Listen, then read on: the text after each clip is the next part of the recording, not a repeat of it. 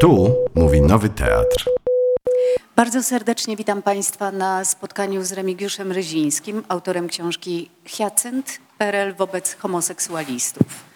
Em, Premiera tej książki dopiero pojutrze, więc rozumiem, że nikt z Państwa jej nie czytał jeszcze. Ja ją czytałam i muszę przyznać, że e, sprawiło mi, nie powiem przykrość, bo przykrość to za mało. Sprawiło mi czytanie tej książki ból z różnych powodów. Ale przede wszystkim z takich, że były tam okropne słowa w ogromnym natężeniu. E, O osobach homoseksualnych w tej książce pisze się, cytując oczywiście prasę z tamtych czasów, osoby wyżywające się seksualnie, pozbawione hamulców moralnych i agresywne. E, Ludzie chorzy, margines, bagno. I właściwie na co drugiej stronie takie określenia są. Ty też piszesz, że ta książka, że pisanie jej sprawiło ci ból, to po co w ogóle ją napisałeś? E, Bo miałem umowę z wydawnictwem i wydawnictwo mm, pociągnęłoby mnie do odpowiedzialności, gdybym nie napisał. Nie, poważnie, no ta książka, ten temat, e, zwłaszcza po Foucault, e, czyli po pierwszej mojej książce, pierwszej książce reportażowej, pierwszej książce w temacie, e, pojawił się taki sposób naturalny, myślę, e, może nie, nie tyle nawet we mnie, co e, ze strony wydawnictw i takiej potrzeby jakiejś społecznej czy, czy czytelników. Dostawałem takie informacje, że czy napiszesz, e, czy napiszesz Hiacynta i kiedy napiszesz Hiacynta i kiedy e, rzeczywiście zawitałem wreszcie w wydawnictwie e, e, i rozmawiałem z wydawnictwem, czym miałbym się zająć, jaką książkę napisać, no to właściwie ten Hyacynt był e, pierwszym e, tematem. E, Ale zanim napisałem Hiacynta, napisałem dwie inne książki. E, Dziwniejszą historię i Moje życie jest moje. Zwłaszcza e, Moje życie było taką książką, która miała mnie e, ostatecznie uratować od tematu Hiacynta, ponieważ ja od momentu, kiedy wszedłem pierwszy raz do IPN-u i do archiwów, wiedziałem, z czym będę miał do czynienia i wiedziałem, że będzie to w znacznie większym natężeniu niż w przypadku Foucault, czyli historii z lat 50. e, i że będę to e, odbierał pewnie bardziej osobiście ze względu na to, że są to lata, w których ja już e, byłem, już byłem dzieckiem, ale które nie są dla mnie legendą, nie są dla mnie baśnią, czymś odległym, tylko są rzeczywistością, którą częściowo którą, której częściowo oczywiście nie jestem w stanie pamiętać idealnie, ale niektóre z, ich, z jej elementów wracają jako, nie jako mit, tylko jako codzienność. E, I kiedy pisałem tę książkę, to rzeczy, Hiacynta, to rzeczywiście łapałem się niekiedy na tym, że pojawiały się takie elementy, które ja pamiętałem ze swojego dzieciństwa. E, y, I e, nawet e, myślałem sobie, że muszę to jakoś podwójnie sprawdzać, czy to na pewno tak było, typu na przykład wideo e, i kasety, i filmy, i, e, i e, taka e, jakaś e, historia o, o e, grach, e, takich maszynach grających, że tam się chłopcy spotykali. Więc e, ja to pamiętałem e, i e, mogłem sobie spokojnie wyobrazić e, połowę lat 80., czy koniec, schyłek lat 80. i siebie w tych latach. I być może dlatego to od samego początku e, zwlekałem e, z tym, żeby ten temat e, wziąć i, i się z nim zmierzyć. A kiedy już się to zaczęło, no to wiedziałem, że to będzie trudna, trudna przeprawa. A co było najtrudniejsze? Przepraszam, my, właśnie, bo mamy tutaj jakieś odgłosy. Bardzo tajemnicze.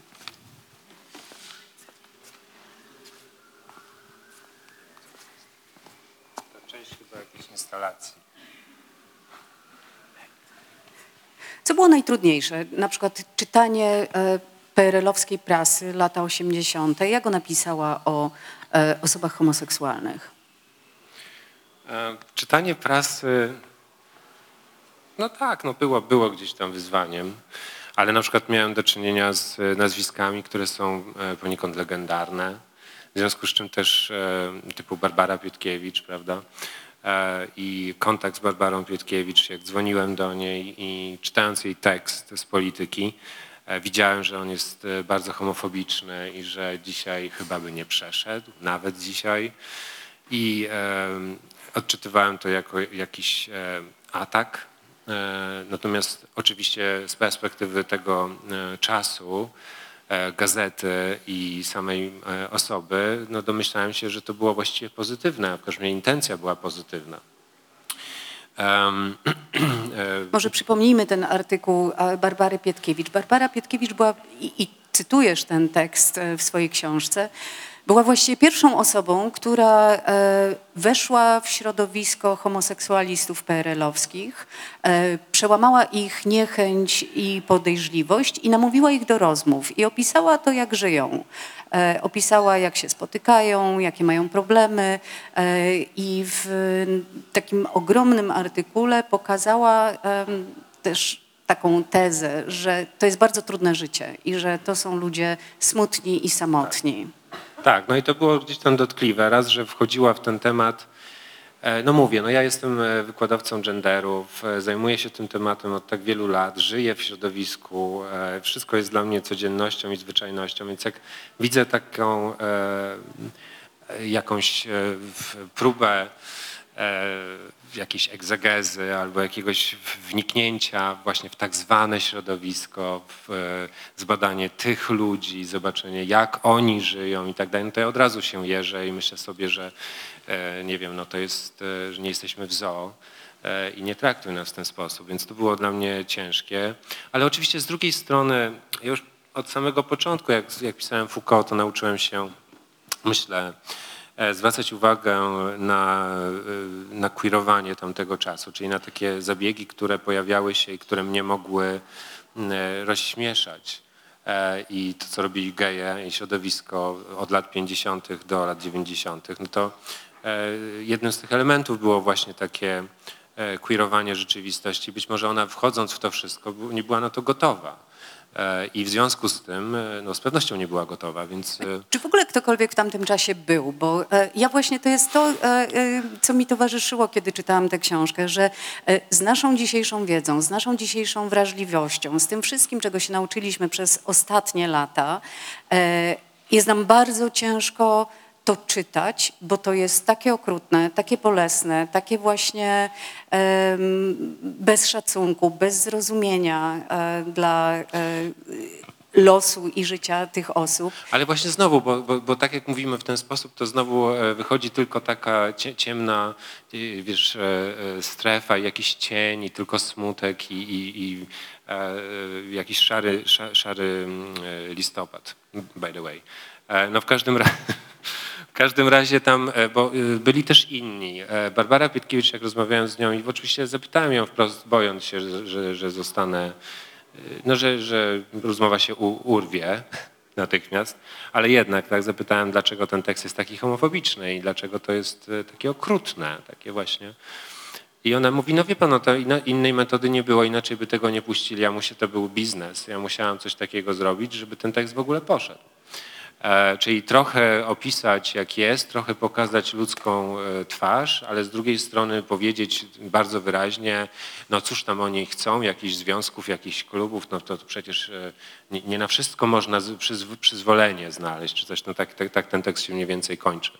No ale były, byli też inne, były wybitne, były wybitne teksty z samej akcji, Sława Jakobki były teksty pisane w różnych magazynach, periodykach, dziennikach, nie tylko milicyjnych, ale takich mm, e, zwyczajnych, codziennych, w których właśnie w tym czasie zaczęło się, e, zaczęła się taka tendencja do tego, żeby normalizować zjawisko e, i opisywać no właśnie z takiego punktu widzenia jakiejś, e, jakiejś empa- e, empatii i e, taki otwarto, no właśnie trudno powiedzieć o inkluzywności no i czy, czy otwartości, ale jakieś empatyzowania, że to są właśnie tacy biedni trochę ludzie i może spójrzmy na nich e, z jakimś łaskawym wzrokiem, ale jednak zawsze pojawia się ta tendencja w języku do stygmatyzacji mimochodem. E, Zwłaszcza w czasie, gdy pojawia się nieznana choroba AIDS, i ona jest identyfikowana jako ta, która e, przynależy do mężczyzn homoseksualnych, no to wtedy jest znowu czysta nagonka. E, Więc e, i pierwszy artykuł, który się naprawdę jest rewolucyjny, moim odczuciu. To jest e, artykuł Jesteśmy inni Darskiego, który jest artykułem z wnętrza. Czyli to nie jest, że ktoś przychodzi do nas i opowiada, jakimi dziwolągami jesteśmy, jakie mamy zwyczaje i mówimy na siebie na ona, tylko to jest artykuł, który mówi, hej, jesteśmy tutaj w ogóle, odpuśćcie, bo jeśli nie, i to jest taki ciekawy artykuł, bo on jest e, e, po części, ma taką, e, taki element niezgody, który może graniczyć nawet z agresją. Mówi, on tam mówi wprost, hej, nagle zdaliście sobie sprawę, że jesteśmy częścią tego społeczeństwa i tego kraju, teraz za późno. I to jest taki e, no, no świetny tekst, bardzo odważny. E, I ten tekst też e, e, trzeba, trzeba moim zdaniem uważać za, za fundamentalny, no bo on jest z wnętrza i on jest nieoceniający. I on tam wprost mówi, jaka jest, jakie jest remedium, jaka jest metoda na to, żeby, żebyśmy mogli w, współżyć. A je, I mówi w tym artykule, jeśli się to nie stanie, to będzie tak, tak i tak. I w tej książce zresztą no, puenta jest jasna. Nie wiedział, że już to się działo. Czyli była, była kontrola całkowita. I no tak, no i media to jest taka, e, to no dzisiaj byśmy powiedzieli, że to się, by się klikało i klika się. Znaczy, jeśli tylko się pojawi temat e, LGBT-ów, no to od razu e, z pewnością jest e, pewna zwyżka w klikalności. Ja pamiętam, mam nadzieję, że nikogo nie urażę wspominając, ale z dziwniejszą historią miałem taką sytuację, że miałem wywiad w Gazecie Wyborczej i po jakimś czasie, no i tam opowiadałem, dziwniejsza historia jest o Między innymi jest y, tam wątek y, romansów między Polakami i Niemcami, mężczyznami e, w czasie wojny, w czasie powstania, po wojnie e, i potem jakiś czas później, to, ale nawet nie jakiś czas, to było dokładnie 11 listopada, e, czyli Wielkie Święto Niepodległości, e, czyli nienawiści. e, i, i podziału. E, Gazeta Wyborcza puściła ten tekst, jakiś taki headline był typu Polacy e, tam uprawiali seks z Niemcami. I coś takiego, ja to było rano jakieś zupełnie, za głowę się zapałem, mówię, Boże, przecież tu za chwilę pod domem będę miał no piekło, nie? No przecież ja twierdzę, że tu jacyś Niemcy nas, prawda? e, chędożyli. No ale, e, no, no ale tak było i oczywiście, no bo to się klika, hejt się klika, więc ten head, te headliny i te, te, ta polityka i te wszystkie teksty, w których pojawiał się ten wątek, one w jakimś sensie mogły bazować na tej, na tej skłonności ku temu, żeby podbić temat. E, Nie I moim zdaniem też można powiedzieć, czy zaryzykować tezę, że w ten sposób nie zauważano i nie zauważa się nadal, że tworzy się dyskurs opresji, który jest prosty i w ten sposób łatwo powtarzalny i wnika w społeczeństwo i potem jest powtarza, powtarzany i mm, powielany z czystą intencją y, agresji. I to jest, to jest złe, to jest groźne. No tak, ale twoja książka Hyacynt PRL wobec homoseksualistów jest cała o opresji. Zacznijmy może od tego, czym była akcja Hyacynt. Dla wszystkich, którzy znają to jako hasło. E, 15 listopada e, 80, 1985 roku generał Czesław Kiszczak wydaje rozkaz. Rozpoczynamy e, akcję Hyacynt. E, Co do tego, czy Kiszczak wydał ten rozkaz, to jego ja nie wiem. Nie ma na to dokumentów. Ja tego w każdym razie takich dokumentów nie znalazłem. E, Natomiast to, co można powiedzieć, o, i, tego się dowiedziałem pisząc tę książkę od moich rozmówców, w tym od szczególnych rozmówców, którzy mi, że tak powiem, e, oględnie z drugiej strony barykady wyjaśniali, na czym polegało funkcjonowanie systemu totalnej opresji. E, I między innymi była taka e, informacja, która mi wiele wyjaśniła, że ten Kiszczak no to był wojskowy i że w związku z tym cały ten pion no to był no taki, taki totalny ordung, to znaczy rozkaz był totalny i nie było kwestii. I porządek e, w milicji, w służbach był na zasadzie wojskowej. Potem jak zastanawiałem się na, e, nad tym z kolei, jak to możliwe, że ci milicjanci szli do tych domów, do tych gejów, wyciągali ich, skoro oni przecież też mogli być gejami i mogli znać gejów, mogli mieć w rodzinie albo mogli mieć przyjaciół i tak sobie pójść do kogoś do domu i wyciągnąć go i tak, tak sobie myślałem, jak to możliwe z punktu widzenia jakichś takich relacji międzyludzkich. Potem sobie właśnie myślałem, no tak, no to jest rozkaz, więc e, rozkazu się nie kwestionuje i to troszkę też em, odziera z e, odpowiedzialności i myślę, że wiele osób też dzisiaj może to zrozumieć, że czemu ten czy tamten robi takie rzeczy, bo jest to przykaz z góry, w związku z czym ma się wrażenie, że ta odpowiedzialność na mnie nie pada. E, I to nie był Kiszczak, albo znaczy nie był bezpośrednio, albo nie był podpisany. Natomiast dwie osoby, które były, które za tym stały, e, zorganizowały e, tę, e, tę, tę akcję w, w bardzo rozbudowany i kompetentny, e, logiczny sposób. Ja zwykłem mówić już teraz w rozmowach, że był to majstersztyk, e, zwłaszcza z perspektywy chociażby nawet tego, że nie występuje tam Kiszczak e, że nie, da, nie ma się czego przy- przyczepić. Tam, tam nie ma się do czego przyczepić. To po prostu było w zgodzie z prawem. E, mm, Powodem był, oficjalnym powodem było to, że e, homoseksualni mężczyźni byli, e, że, że mm, no byli mordowani lub napadani e, i że tych, e, tych wydarzeń było więcej. I w związku z tym to był ten główny powód oficjalny. Należy zorganizować taką akcję, która e, no, ten, ten proceder e, zatrzyma. Co jest oczywiście, e, no, co jest oczywiście absurdalne. To znaczy, ja też na początku nawet tego nie dostrzegałem. Jak myślałem sobie tak, no przecież w sumie to może dobrze, że oni tak chcieli za, zadbać o tych gejów.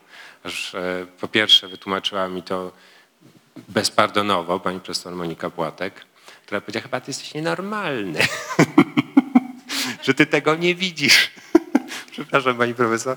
Pani profesor Monika Płatek jest e, tutaj na sali, Tak. podobnie jak kilkoro bohaterów tej Tak, książki. i, i to też chciałem podkreślić. Bardzo Państwu wszystkim serdecznie dziękuję, bohaterom i tym, z którymi rozmawiałem i którzy mnie wiedli, którzy mnie wiedli przez tę książkę, przez tę opowieść.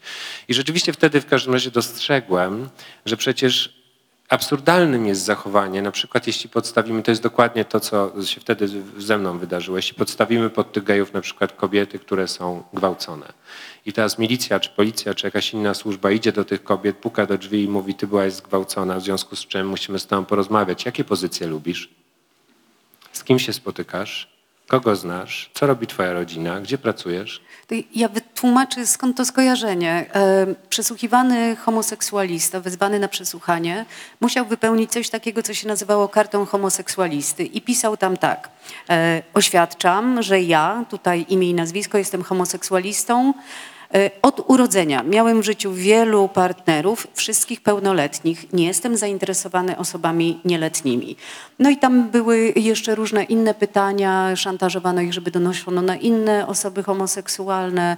E, Zmuszano do tego, żeby opowiadali o praktykach. e, jak- To wszystko było, ale Tak. to, nie, to nie jest tak, że to było z rozkazu. Rozkaz wcale o tym nie mówił. Rozkaz mówił tylko o tym, że należy takie osoby przepytać, czyli to nawet nie było przesłuchanie, i zorientować się w relacjach, ale tak naprawdę nie było tam mowy o żadnej karcie homoseksualisty w tych rozkazach i nie było też mowy o, to, że, o tym, żeby jakiś milicjant pytał o pozycję, albo tam seksualne ulubione, albo jakieś formy realizowania swojej seksualności. To się wydarzało, ale mam wrażenie, że się wydarzało na takiej podstawie, e, takiej, no, że tak powiem, w terenie, no, w zależności od tego, z kim się rozmawiało. Bo tak naprawdę, i to, jest właściwie sens tej akcji, który y, no, no wybrzmiewa dopiero jak, jak się, chyba, nie wiem, jak, jak- ja siedzę w tym temacie już no, no, no wiele, wiele, bardzo długo, e, że to nie chodzi o homoseksualistów. To w ogóle nie chodzi o to, żeby jeden doniósł na drugiego. Nie chodzi o to, żeby jakiś tam Adaś powiedział, że zna Piotrka, Piotrek sypiał z Karolkiem, a Karolek wyjeżdżał gdzieś tam. To jest oczywiście podstawowa warstwa i chodzi o to, żeby zbudować sieć, ale sieć, która ma służyć do tego, żeby infiltrować społeczeństwo, a nie gejów. I to jest właściwie największe okrucieństwo e, całej tej akcji, że geje to, są, to jest trybik. Oni nie mają w tej akcji takiego znaczenia. To jest po prostu grupa ludzi, którzy, których w najprostszy sposób się stygmatyzuje i wykorzystuje. Żadnej innej grupy w ogóle, a w tym czasie szczególnie, nie da się wykorzystać w tak prosty sposób jak gejów. E, Ponieważ geje są wszędzie, geje nie muszą się rzucać w oczy, mają ten sam kolor skóry, mają ten samo wyznanie, tę samą religię, to samo wykształcenie, ten sam status materialny, pochodzą z tych samych miejscowości i w tych samych e, grupach społecznych przebywają, czyli są wszędzie. Nie wyróżniają się specjalnie, oprócz tego, że mają jeden szczególny hak. Lubią facetów. I boją się, że to wypłynie. I teraz wyobrażenie sytuacji, w której przychodzi milicjant czy jakikolwiek inny człowiek, ktokolwiek to może być, kolega z ławki i mówi, ty jesteś homoseksualistą albo ty jesteś gejem. To jest jak oskarżenie typu zabiłeś, okradłeś. I to wywołuje traumatyczne doświadczenie paraliżu. Zamiast najzwyczajniej w świecie, i to jest jedyne rozwiązanie tej sytuacji, powiedzieć tak, no i, no i co z tego? I takie sytuacje się zdarzały, miały miejsce i wtedy akcja nie miała sensu. Koniec, koniec było, koniec zdarzenia. W większości jednak ci mężczyźni, i tutaj e, właśnie Sławoj Kopka to e, naj, naj, najwspanialej opisuje, dlatego w książce jest właściwie e, no, taki długi, długa opowieść bezpośrednio wzięta z, z tego niesamowitego tekstu czy tekstów, w których opisany jest proces i, i przebieg tej akcji na komendzie. Oni tam siedzą, nic nie mówią, nic nie, nie, nie krzyczą, nie buntują się, idą, wchodzą, mówią, co, co, o co są pytani, wychodzą i wracają do domu. Nic się nie dzieje. Bo to, co dzieje się tak naprawdę i co jest najbardziej okrutnym, niewyobrażalnym e, czynem, jaki można wtedy, e, jakiego można dokonać, jakiego można, e, e jaki można skierować do drugiego człowieka, to jest zaszczucie które przenoszone jest na lata w przód. Oni już się nigdy od tego nie uwolnią. Ani my, tak naprawdę. Przepraszam, że tak zgasiłem nastroje, ale chciałem jasno też wyjaśnić, że to nie był Kiszczak, to nie było SB, to była milicja, że chodziło o wszystkich homoseksualnych mężczyzn, mężczyzn w całym kraju, z wyjątkiem księży i artystów, E, że akcja była e, e, zaplanowana na lata w przód od 1985 roku i skończyła się na 1987 roku. Zawsze odbywała się jesienią dwa dni weekendowe i zatrzymała się na liczbie przesłuchanych 14 257 osób, bo to im wystarczyło. W 1988 roku tej akcji już nie było, bo nie było takiej potrzeby. Bo już to, co chcieli, już mieli. A co chcieli? Chcieli dostać gwarancję, czy tej gwarancji nie mogli dostać, ale chcieli przynajmniej wrażenie mieć, że ten system, który przyniósł im tyle dobra, da się utrzymać. No i trochę się dało. Ty przypominasz w swojej książce, że um, Różowe Teczki to nie była pierwsza lista homoseksualistów, nie. jaka powstała, że pierwsze powstawały już e, dwa, ponad 20 lat wcześniej i przytaczasz te daty, które twoim zdaniem są bardzo, e, bardzo symptomatyczne. Rok 54 po śmierci Stalina, potem rok 66, czyli e, tysiąclecie chrztu Polski i naprężenie stosunków między władzami e, a Kościołem. Potem rok 72, takie wygasanie strajków na Wybrzeżu i rok 83, koniec stanu wojennego, bieda i marazm. I, e, i twierdzisz, że za każdym razem te listy homoseksualistów miały e, jeden cel, odwrócenie uwagi od aktualnych problemów państwa, życia społecznego. No tak, trzeba było wyciszyć sytuację. Znaczy ferment, ferment w społeczeństwie e, dla władzy tego typu jest zawsze niebezpieczny.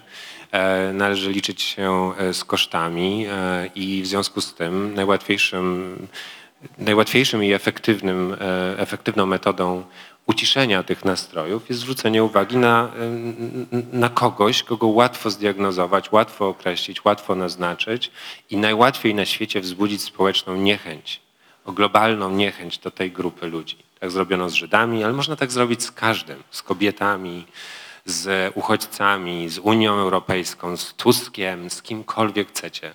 Wystarczy nazwać wroga i określić jasno, dlaczego on jest nie nasz. I to wystarczy. Społecznie się to przyjmie. Jest to łatwo, jest to, jest to nośne. Jest to informacja, która po prostu idzie. Nie ma, nie ma, sens, nie ma sensu, nie ma uzasadnienia, e, ale jest prosta. I to wystarczy. E, no i geje to jest oczywiście no, no, no szczególnie e, no, z cynicznego punktu widzenia szczególnie łatwy target. No. Oni się nie obronią. Nikt ich nie lubi. Te zwyczajne. No po prostu e, plus em, jeżeli po, pojawia się ferment społeczny, e, no to, no to można stosować metodę rozdawnictwa, jak się da z czegoś. No ale w niektórych systemach jeszcze nie ma takiej metodologii. W związku z czym e, najłatwiej jest skorzystać e, z mechanizmu opresji e, i wywołać, i wywołać takie e, wewnętrzne uczucie, które, które z, przepraszam, do tego wracam, ale, ale to jednak ze mną jest zawsze, czyli do teorii panoptikonu e, Michela Foucault, czyli takiej, takiej sytuacji, w której strażnik, strażnik więzienia niekoniecznie jest w wieży, ponieważ ja mam przekonanie, że on tam może być i to mi wystarczy. Ja się czuję wewnętrznie kontrolowany zawsze, w stu procentach. Nie musi być milicjanta pod drzwiami. Ja i tak będę cały czas uważał na to, co robię, czy się nie przeginam, jak wyglądam, czy aby nie ubrałem się źle, czy aby słów jakiś nie, jakieś słowa mnie nie skompromitują, czy nie wyjdę z, z bezpiecznej e, strefy azylu. To jest bardzo prosta metoda. To, jest, to jest, wystarczy jedno słowo. E, e, matka się dowie. No nie ma łatwiejszej. No. Napisałeś w pewnym budować. momencie, że ta metoda działa do dziś. Ona naprawdę Mhm. działa? Działa, moim zdaniem jest e, przenoszona genetycznie, chociaż może to jest, na pewno to jest medycznie jakoś niepoprawnie, ale ja mam wrażenie, że to jest, i też przepraszam za skojarzenie, że to jest jakieś takie pokolenie, e, któreś pokolenie ocaleńców, e, że to jest taka sytuacja, w której my nie, nie potrafimy inaczej funkcjonować i że ten strach inkorporowany w nas żyje tak, tak silnie, tak mocno, że właściwie nami powoduje cały czas. Jesteśmy takimi mm, e, marionetkami strachu, zwłaszcza w świecie, w którym najłatwiejszą bronią jest hejt, za darmo, za nic na Facebooku. W związku z czym no, lękamy się siebie, swojego cienia, ludzi, którzy są dookoła, ktoś się dowie, ale o czym się dowie? O czymkolwiek. O czymkolwiek. Więc, em, e, więc myślę, że to idzie i nie, i nie tylko, to, to się też objawia w takim, na dwóch właściwie, ja, może na więcej, ale wydaje mi się, że dwa takie elementy takiej sytuacji, w której ten, ten e, genetycznie przenoszony strach jest e, tutaj między nami, jest obecny. Z jednej strony to jest mitologizowanie tej przeszłości, e, czyli e, geje mieli najgorzej na świecie. W ogóle to jest okropny los. My wszyscy byliśmy w szarej Polsce i, te, i ci geje to w ogóle mieli najgorzej na świecie i w ogóle nikt ich nie kochał. Tak wcale nie było, nie do końca. A dru- z drugiej strony, e, że e, nic się takiego właściwie nie stało. No przecież nikogo nie zabili, nikogo nawet nie aresztowali. A cóż to takiego, że przepytają, zapytają tam, co lubisz, kogo znasz? A cóż to takiego? No nic takiego, nawet, nawet po mordzie nie dostali. Jedyny przypadek, który opisywałem tej przemocy bezpośredniej, to był przypadek e, heteryka, który, tra który trafił, był na imprezie gejowskiej przypadkiem ze swoją partnerką czy żoną i e, przyjechała milicja, zwinęła ich wszystkich. E, pojechali na, e, na, na komendę i byli wszyscy podpici, w związku z czym się trochę śmiali z tego wszystkiego i trochę no właśnie przez śmiech chcieli to wszystko złagodzić. Myśleli, że to chodzi o Solidarność. Tam była koleżanka z przypinkami z Solidarności. Ona poszła do kibla, wyrzucała te, te przypinki, w ogóle chciała gdzieś uciekać, że Solidarność. A oni mówią, stara, to w ogóle nie o to chodzi, to pedałów chodzi. E, I że w ogóle spoko. No i ten, ten heteryk jako jedyny zaprzeczył i mówi, ja jestem tutaj e, w ogóle nie, bezpodstawnie. Tu jestem, gdyż jestem osobą hetero i dostał po gębie. No bo się by, no by się po prostu, no co się tutaj ten... Od milicjantów. Nie, nie, nie, nie, nie, nie. Koledzy, koledzy byli totalnie spoko z tym wszystkim.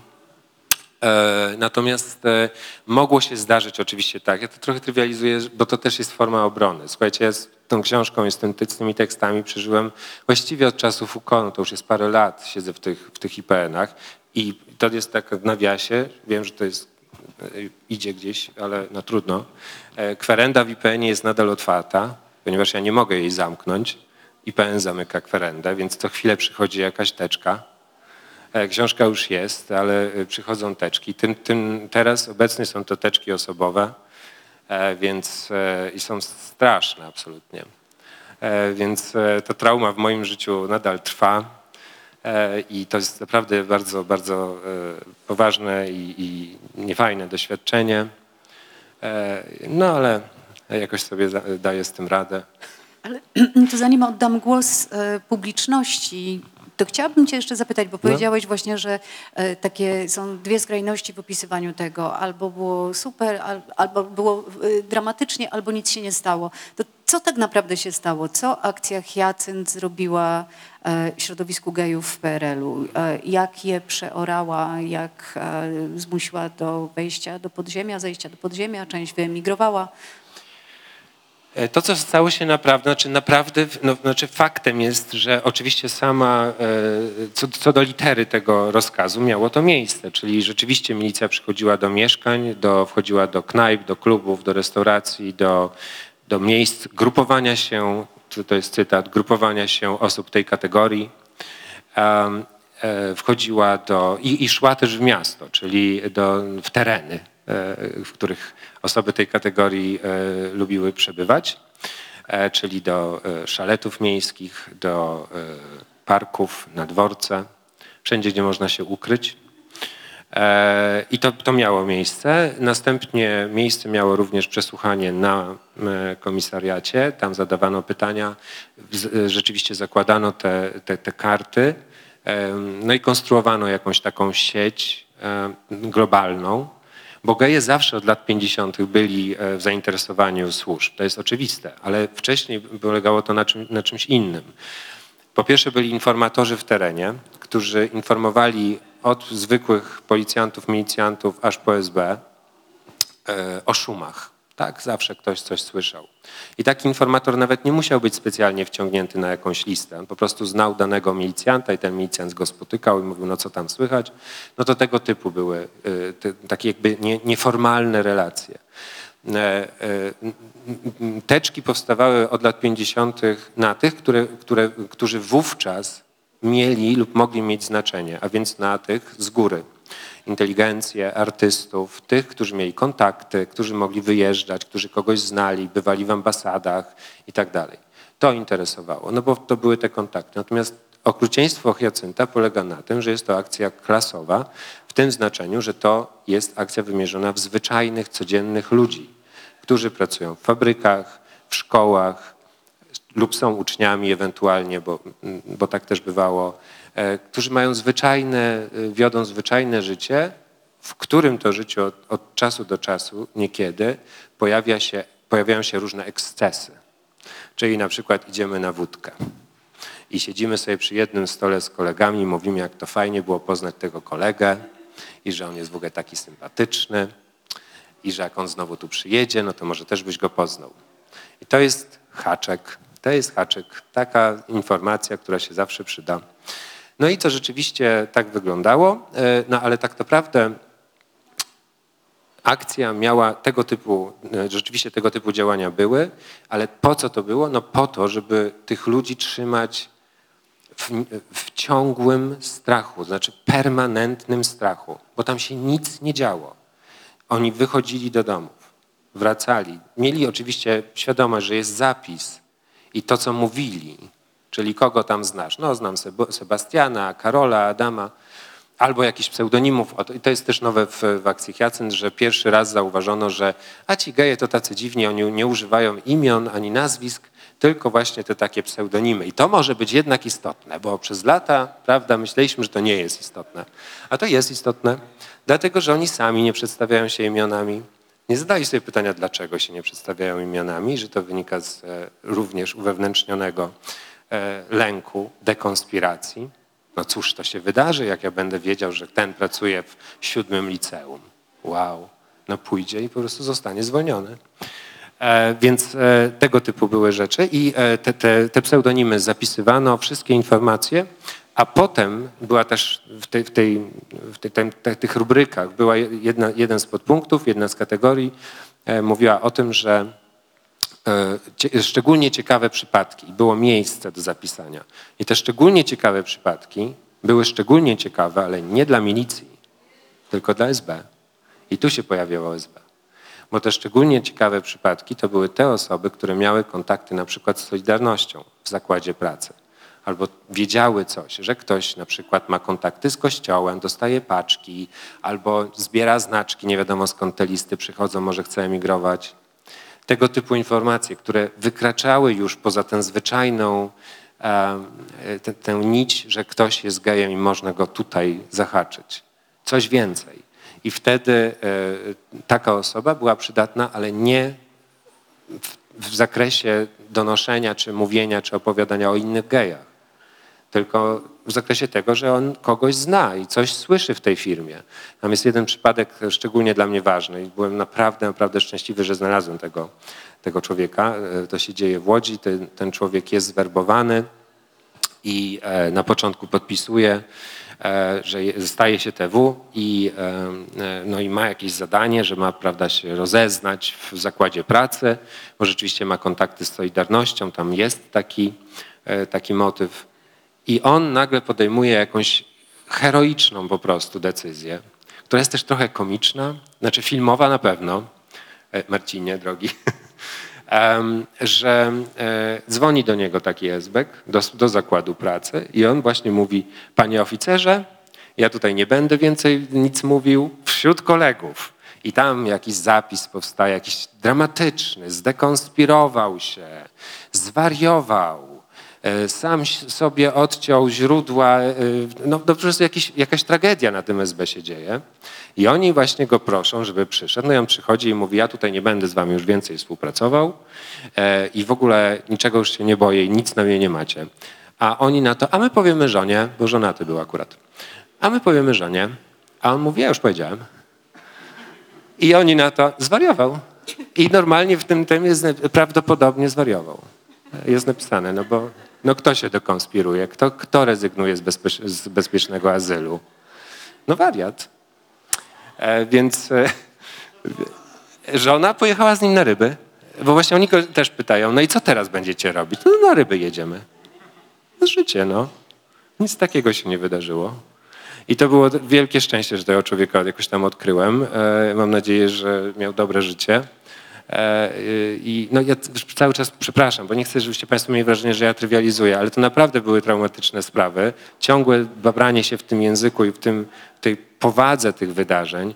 Słuchajcie, no naprawdę rok rocznie, kto, kto coś takiego wymyśli? Kto, w jakim kraju? Właśnie na tym też e, polega e, to, co Andrzej Selerowicz podkreśla i tu też bym chciał to podkreślić w jego imieniu. Nigdy w żadnym kraju nie było takiej akcji wymierzonej w jakąś konkretną grupę, prowadzoną w tak bezpardonowy, okrutny sposób, nawet w tych krajach, w których system był wobec osób homoseksualnych znacznie bardziej em, negatywnie nastawiony niż w Polsce. Bo przypominam, że w PRL-u homoseksualizm nie był karany, więc formalnie nic nikomu nie groziło. Em, ale nikt nie wpadł na coś takiego, że można gejów wykorzystać do tego, żeby kontrolować całe społeczeństwo. I, I właściwie to chyba na tym polega ta y, jakby za- zasadność tej, tej, tej, tej książki. No nie wiem, no tak mi się wydaje, że bo to nie jest o gejach. To jest o nas, o nas wszystkich, że my jesteśmy zastraszeni źródłowo. I że po prostu łatwo wnikamy w taką sytuację, w której ten strach nas wiedzie nami stymuluje i że się je poddajemy i że po cichu w kuchni e, e, gdzieś tam jesteśmy w stanie komunikować się, że jak to źle i jak to groźnie. Ale tak naprawdę uczymy się bardzo szybko funkcjonować w tym, bo przecież inaczej nie można. A masz czasem takie obawy, że to mogłoby wrócić? No ja mam wrażenie, że to jest. Znaczy ja mam wrażenie, że to w ogóle nigdy nie minęło. Znaczy po pierwsze nigdy akcja Hyacynt formalnie nie została zakończona, dlatego że akcja Hyacynt to akcja operacyjna. E, To znaczy, że znaczy tak, pewien poziom akcji Hyacynt to akcja dochodzeniowa. Jeśli znaleziono na przykład, jeśli była sprawa dotycząca morderstwa czy rozboju, to prowadzono taką akcję dochodzeniową i rzeczywiście przepytywano, i to ma sens. Przepytywano również gejów, którzy mogli znać taką osobę i mog, mogli, mogli posiadać jakąś informację. No i wtedy, powiedzmy, ten proces w pewnym momencie się domykał, znaleziono, nie znaleziono, obojętnie, ale sprawa jest zamknięta. I teraz od zamknięcia tej sprawy musi minąć 70 lat, aby te akta zostały ujawnione. To jest jasne. Natomiast sprawa Hyacynt jest również sprawą operacyjną. to znaczy, że ona z gruntu jest tajna i że to jest coś, co trwa. Znaczy jest to operacja, której, która nie ma jakiegoś konkretnego finału. Znaczy nie ma na przykład, że jak zdobędziemy informację na 100 tysięcy gejów, to akcja jest zamknięta. Nie, ona jest otwarta. I teraz ja oczywiście nie mam dowodu na to, że ta akcja nadal jest żywa w komendach. Natomiast niewątpliwie jest tak, że przynajmniej prawdopodobna, a przynajmniej no ja mam takie informacje z, bezpośrednio z komend, e, że owszem, ta akcja tam jest i ona jest e, utajniona. I teraz ja mogę się mylić, ale mam wrażenie, że jeżeli coś jest utajnione, to to znaczy, że nie jest zamknięte, bo jeżeli jest zamknięte i, i sprawa jest, nie wiem, spalone, akta, cokolwiek zrobione z tym jest, no to ktoś mnie informuje, akcja została zamknięta w 2020 roku albo coś w tym stylu.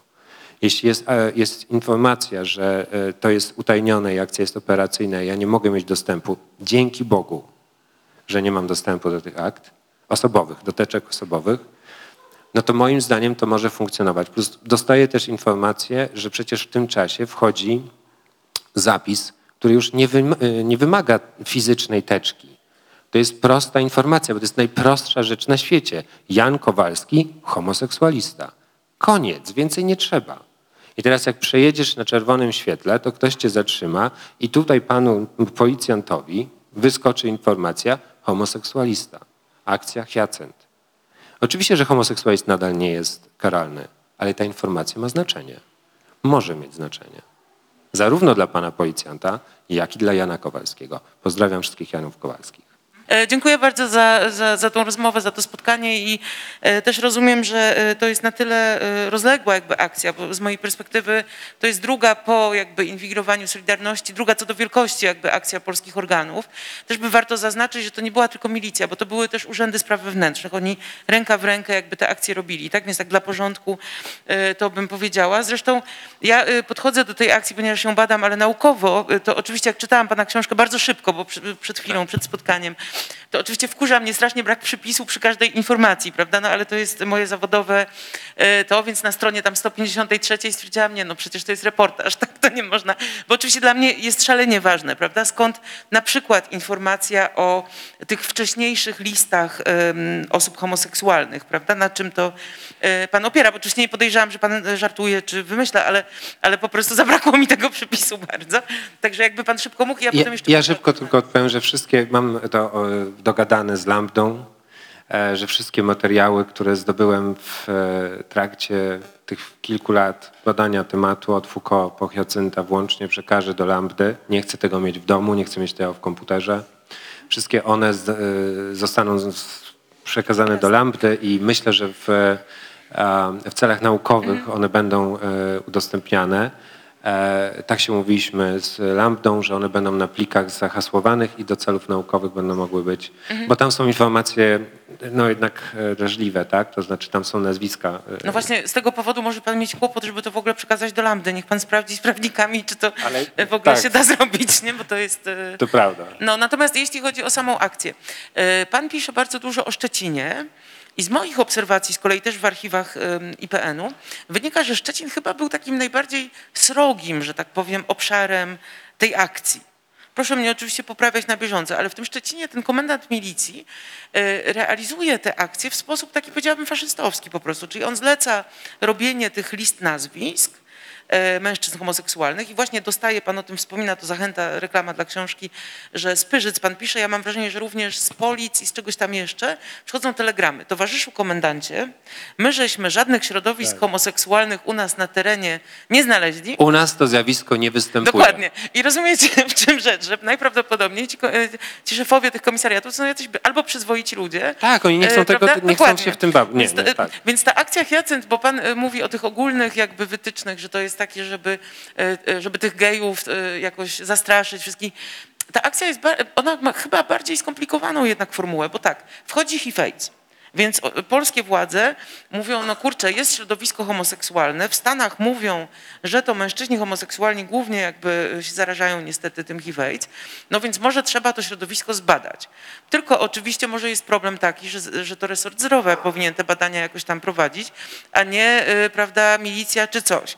Więc są takie przesłanki w tej akcji, które sprawiają wrażenie takiej po Foucaultowsku mówiąc władzy pastoralnej, takiej troski o populację. Także musimy to, ja też nie bagatelizuję tego, że było srogo czy surowo, bo ten Szczecin, wyobrażam sobie, tam nie było miło chyba, jeśli chodzi o tą akcję. Natomiast komendant w Białymstoku dla porównania robi to nieco inaczej. On zaprasza seksuologa, który, bo to jest rok 85, 6, 7. Czyli przyjeżdża seksuolog i tłumaczy, że, to, że homoseksualność nie jest przestępstwem, ale wtedy jeszcze na rejestrze WHO homoseksualność figuruje wśród y, y, spisu zaburzeń. Rozumiecie o co chodzi? Że w 90 roku dopiero homoseksualność wychodzi poza rejestr zaburzeń. Więc stąd chyba takie w 90 roku. Spra- Sprawdź, WHO wykreśla w 90, tak. I dlatego jest taka trochę nieprzyjazna atmosfera. Znaczy, to bardzo niedobrze, że ona jest, tak? ale ona trochę ma pod, pod, podłoże takie, że dla niektórych osób te zdrowo, jakby niektóre osoby widzą w homoseksualności jakąś formę e, odmienności, za, zaburzenia, choroby czy coś takiego. I to jest bardzo źle, że to widzą, bo oczywiście nie powinny, ale więc stąd też ten ton Pietkiewicz mam wrażenie, Tak. bo ten jej artykuł ja czytałam e, też i odebrałam go jako fajny, w sensie taki, on, że ona wychodzi naprzeciw temu środowisku jak na swoje czasy bardzo. E, I teraz tak, chciałabym zapytać, czy zamierza pan napisać e, Hyacynt 2? O nie. E, ojeju, no bo trzeba by było, bo na przykład w Białymstoku odkopują, bo kom- komendant jest fajny, jakby, tak? Mi się tak wydaje. Więc on tam odkopuje różne sprawy, najpierw sprowadza seksuologa, seksuolog wszystko objaśnia, potem sprowadza osobę od HIV-AIDS, jakiegoś tam lekarza medycyny. I ten lekarz, a potem odgrzebuje sprawy, w których osoby homoseksualne były ofiarami. Bo wykrywalność przestępstw, gdzie mężczyźni homoseksualni zostali zabici, jest e, 10 czy tam 20 razy mniejsza niż w przypadku morderstw, gdzie e, heteroseksualne osoby są ofiarami. E, Więc to może brzmieć jakoś fantazyjnie, ale naprawdę w tym Białymstoku od, od, odgrzebują dwie takie akcje e, i są kapitalne zapiski jakiegoś e, policjanta, który pisze, że w mieszkaniu brakowało kasety Ały Pugaczewej na przykład. I to są, znaczy z tych akt... Ale nie, chodzi mi o to, że z tych akt można też wyciągnąć, i pan to robi w, w tej książce i to jest też e, jakaś tam zachęta, no informacje o życiu po prostu ludzi w tym czasie. Natomiast e, sama akcja miała taki, taki miks, że to było represyjne, ale było wyraźnie napisane, akcje przeciw Solidarności są w odrębnym pionie. Więc jeżeli kogoś znajdziecie, kto jest y, solidarnościowcem, Tak jak to, księży. to po prostu gdzie indziej. Tak? Księży tutaj- też, nie? Dlatego, że No. są w Wydziale Czwartym. Także po prostu moje takie pytanie byłoby, czy przypadkiem nie zgodziłby się pan, że jednak ta akcja miała taki bardziej wielobarwny kształt, że była bardziej pełna sprzeczności niż po chcenie użycia jakby homoseksualistów jako grupy w, e, w celu, znaczy mówię tym językiem z lat 80., Jasne. tak? E, e, czyli mężczyzn homoseksualnych, gejów, e, osób queerowych, tak? Do, do jakichś operacyjnych celów, bo oni tam piszą bardzo często o rozpoznaniu tego terenu, że oni nie znają osób tego typu, że ta populacja jest duża i nierozpoznana. A zarazem seks był elementem, który badała policja od zarania, od XVII-XVI wieku, także to nie jest do Tak. końca tak, że Polacy To- sobie to wymyślili nagle. To też bardzo dziękuję w ogóle Dzięki serdeczne i e, będę na pewno wyglądał e, publikacji naukowej e, na ten temat. E, nie będę pisał Hyacynta 2 ni żadnej innej 2.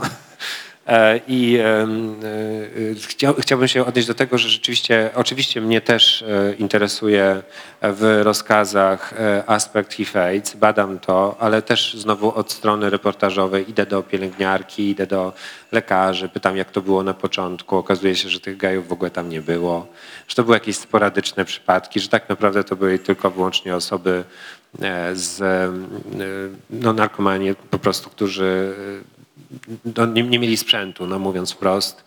E, e, I oczywiście była panika w szpitalach i że e, MSW oczywiście też się tym zajmowało.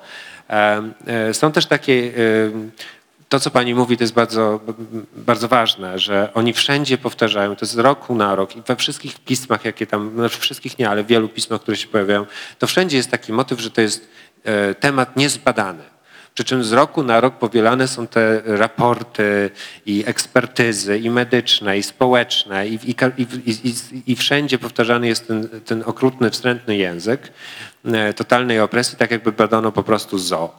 Jeśli chodzi o Barbarę Pierkiewicz, to oczywiście, że ona miała dobre intencje, ja z nią rozmawiałem i tu nie, nie ulega wątpliwości, że ona miała dobre intencje, tylko to był taki czas, Pewnie nie istniał też język bardziej inkluzywny i tak dalej. Tu nie ma wątpliwości. Tyle, że jakby z tej perspektywy dzisiejszej, ja też czytając to, i e, jakby to jest też taka legenda, że e, geje spotykali się po mieszkaniach i ten numer polityki czytali grupowo, bo to było fantastyczne, że oni w ogóle mogą o sobie przeczytać i tam mówili, haha, to w ogóle nie tak, albo coś tam, nie? E, I że to było fantastyczne, że w ogóle nagle, nagle z, z, z tych, tych jam, ciemnych zaułków, oni są w prasie i że to jest w ogóle jakieś takie właściwie pozytywne. To nie ma nie, nie wątpliwości, ale, ale e, Pietkiewicz mówiła wprost, to znaczy e, tego tekstu by nie puścili, gdybym nie dałabym im czegoś w zamian, czyli jasnej puenty. Tak? Co za dużo, to niezdrowo, za dużo nie wolno. I tak jest też tam e, ta, ta, taka rzeczywiście na, na, końcu. Także to jest na pewno wielowarstwowe, wielowątkowe. Dla mnie jako autora reportażu, a nie pracy naukowej, broń Boże, e, e, wy, wybijała ta informacja, że gejów da się wykorzystać. Łatwo zastraszyć i w prosty sposób wykorzystać. Oczywiście, że pojawia się też motyw faktyczny, motyw morderstw. Tyle, że przesłane mi przez komendę do domu na adres fizycznie, co, co podkreślam, bo to, to był ewenement też w czasie wakacji, teczka, E, teczki dotyczące e, morderstw e, na gejach w latach, w, w, w ciągu 10 lat mówią wprost, i, że, że tych morderstw było 74 w ciągu, w ciągu 10 lat. I teraz oczywiście trzeba podkreślić, i to w książce także piszę, że no chociaż jedno to za dużo, ale badamy 10 lat. I teraz czy 74 to jest tak naprawdę dużo, żeby ruszać całą milicję w całym kraju na wszystkich gejów. Podkreślam, nie po to, żeby inwigilować środowisko powiedzmy złoczyńców, tylko tych, którzy są poszkodowani. To jest kuriozalne. Plus z drugiej strony, to też mi zwrócił jeden z bohaterów e, uwagę na to, bo to jednak jest małe środowisko, więc może 74 to nie jest tak mało. Więc tutaj czy mało, czy dużo, to już jest jakby po, po, pozostawiam do Państwa decyzji. Niemniej jednak ten, ten motyw morderstw i rozbojów był oczywiście rozpracowywany. Tyle, że jeżeli masz zjawisko, na przykład, nie wiem, w Warszawie kobiety w dzielnicy takiej czy innej po 22 mogą być narażone na nieprzyjemności. No to przecież nie idziesz do tych kobiet i nie mówisz, kogo znasz, tylko idziesz w teren, patrzysz, kto, jakby prewencyjnie ewentualnie idziesz, mówisz, drogie panie, czy, czy w tym przypadku... Przepraszam bardzo, bo, bo, oni poszli, to znaczy z tego Białegostoku tak. wysłali jakiegoś A... faceta za jakimś potencjalnym sprawcą i to też jest piękna historia jak z westernu, bo sprawca domniemany jest kierowcą ciężarówki, no i zapyla przez całą Polskę do tak. Wrocławia z Białegostoku.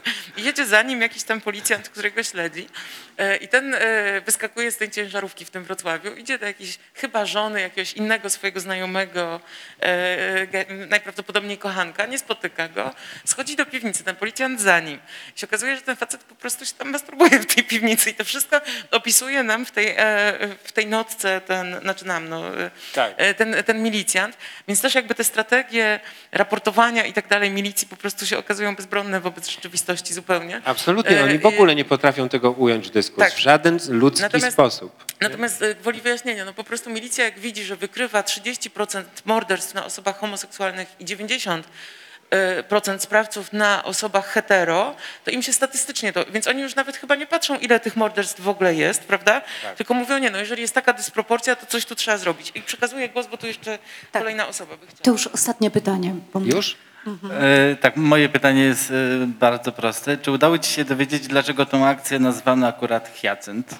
A, a to jest dzięki Ci za to pytanie. To rzeczywiście się zaczyna e, właściwie od, e, od jakiejś takiej Znalazłem to oczywiście w poezji, ale e, ja nie mam pojęcia, po prostu tam nie mam pojęcia dlaczego hyacynt, natomiast w pewnym momencie tych badań odkryłem akcję wrzos i tak sobie pomyślałem, może też zbyt e, w prostacki sposób, no przepraszam, ale pomyślałem sobie, że to jakaś była era botaniczna, może ktoś coś sobie wyobrażał, że to tak fajnie wiesz, oni często, wiesz, oni często używali jakichś przedziwnych e, tych pseudonimów, kryptonimów, takich kuriozalnych, śmiesznych. Ja nie wiem, czy tam była jakaś metodologia, że ktoś siedział i tak jakiś poeta lokalny, wiesz, wymyślał te nazwy.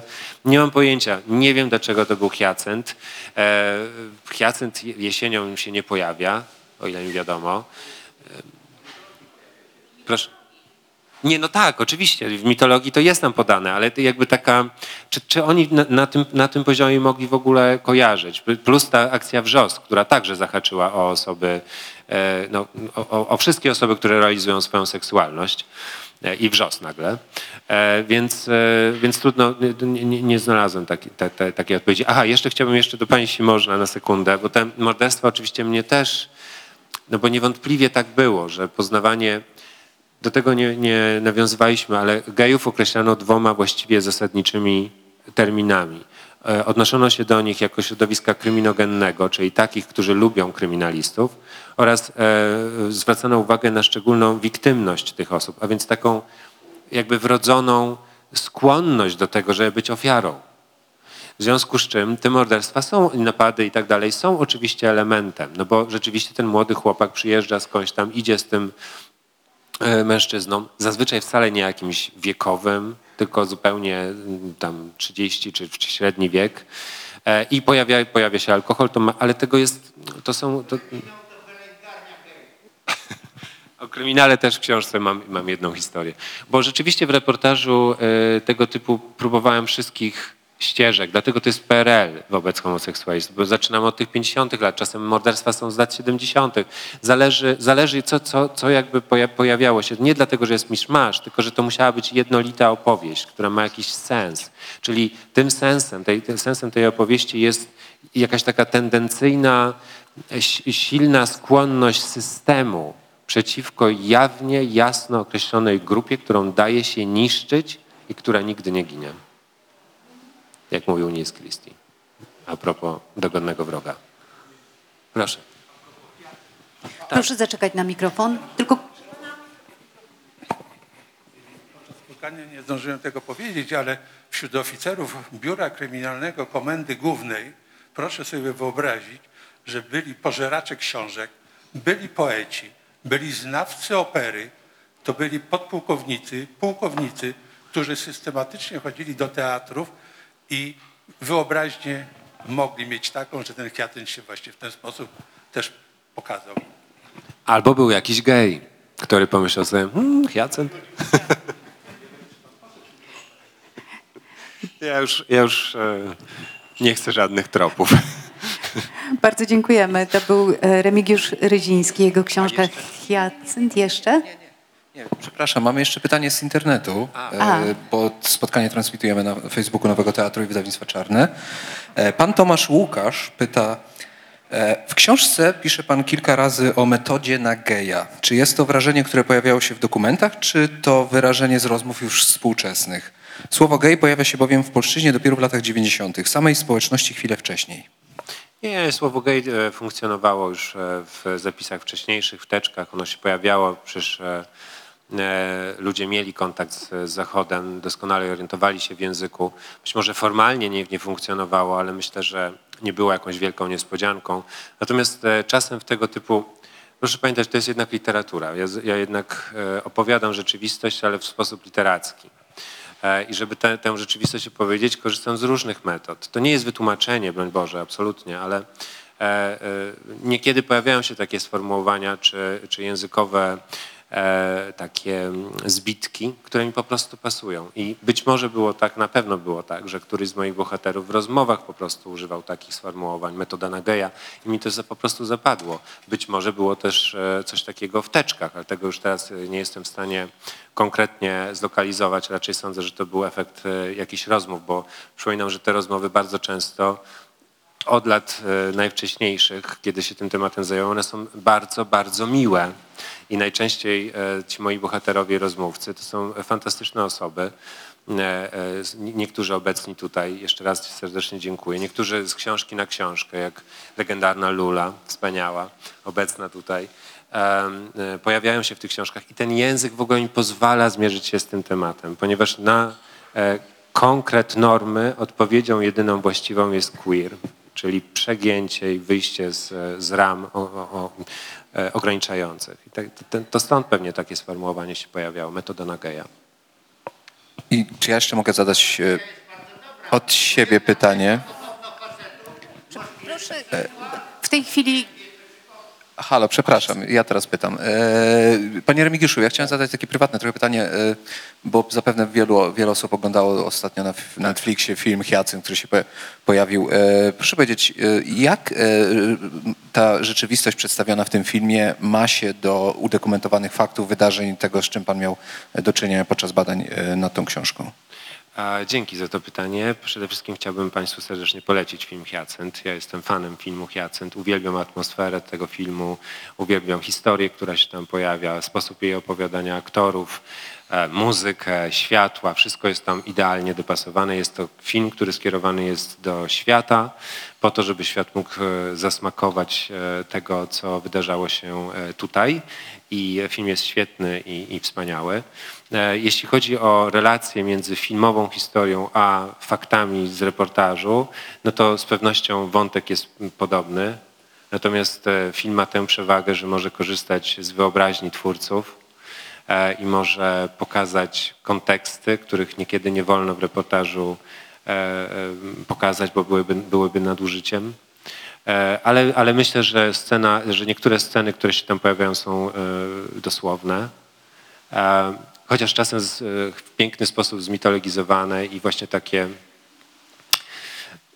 z literackiego też twórczego punktu widzenia wspaniałe. Na przykład scena w, w Grzybku jest niemalże romantyczna, więc myślę, że zazwyczaj one tak nie wyglądały, ale to tak miło, bo obejrzeć coś takiego. Tak, grzybki były również e, w innych miejscach i e, myślę, że, że, że, to, że to jest, e, że tak powiem, twórczość komplementarna i zachęcam Państwa.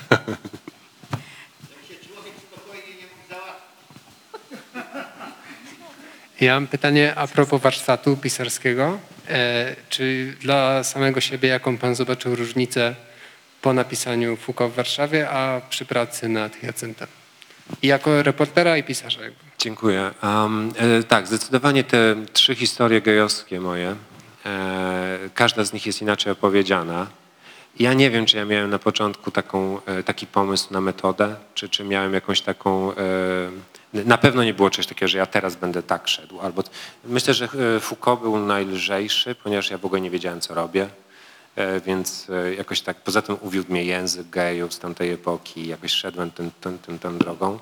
E, Dziwniejsza historia była szczególna, bo była z perspektywy osobistej traumy i chciałem zachować e, takie e, bardzo obfite doświadczenie indywidualnej odmieńczości, która, która rozkwita albo która więdnie, bo to jest historia o dwóch przeciw, przeciwstawnych losów. E, W związku z czym on jest nadmiarowy językowo często, bo taki był ten język tej opowieści, a e, Hyacynt z kolei, e, no właśnie już tutaj e, z Renatą rozmawialiśmy wcześniej, że te są fragmenty e, takie ludzkie, czyli to, to jest taki storytelling, gdzie ja po prostu uwielbiam opowiadać o ludziach i ich historię i wtedy ja wchodzę w to, właściwie się jakoś tak teatralizuję to wszystko i, i, i rzeczywiście to się wydarza jak w literaturze, mam nadzieję. Ale z drugiej strony, ponieważ temat mnie y, po prostu rozłożył i naprawdę, gdyby nie to, że pisałem tę książkę we wspaniałym Pucku nad morzem i miałem y, wentyl bezpieczeństwa, to bym pewnie zwariował. Em, e, To, to korzystałem z takiej metody, takiej, takiej, takiego ścisłego, myślę, reportażu, gdzie trzymałem się e, tych e, takich um, te- technik, ale, ale, ale też chyba nieświadomie. W każdym razie są tam duże fragmenty, bardzo no, poważne i, i takie konkretne, które są mm, przetykane opowieściami o ludziach i o klimacie, co daje trochę oddechu. Więc każda była inna. Nie sądzę, że pod względem stylu, jeśli tak mogę powiedzieć, nie sądzę, że zakładałem taki styl. To wynikało z, e, z opowieści, z którą mam do czynienia, ale w sumie jestem bardzo zadowolony, że mogłem zmierzyć się z takimi różnymi tematami i różnymi sposobami pisania. Dzięki za pytanie. Ja też bardzo dziękuję. Remigiusz Ryziński, Hyacynt. E, Zapraszam Państwa do tego, żeby jeszcze rozmawiać z Remigiuszem, kupować książkę jest tutaj na miejscu, Remigiusz podpisuje. A ja już Państwu dziękuję bardzo. Bardzo dziękuję Państwu.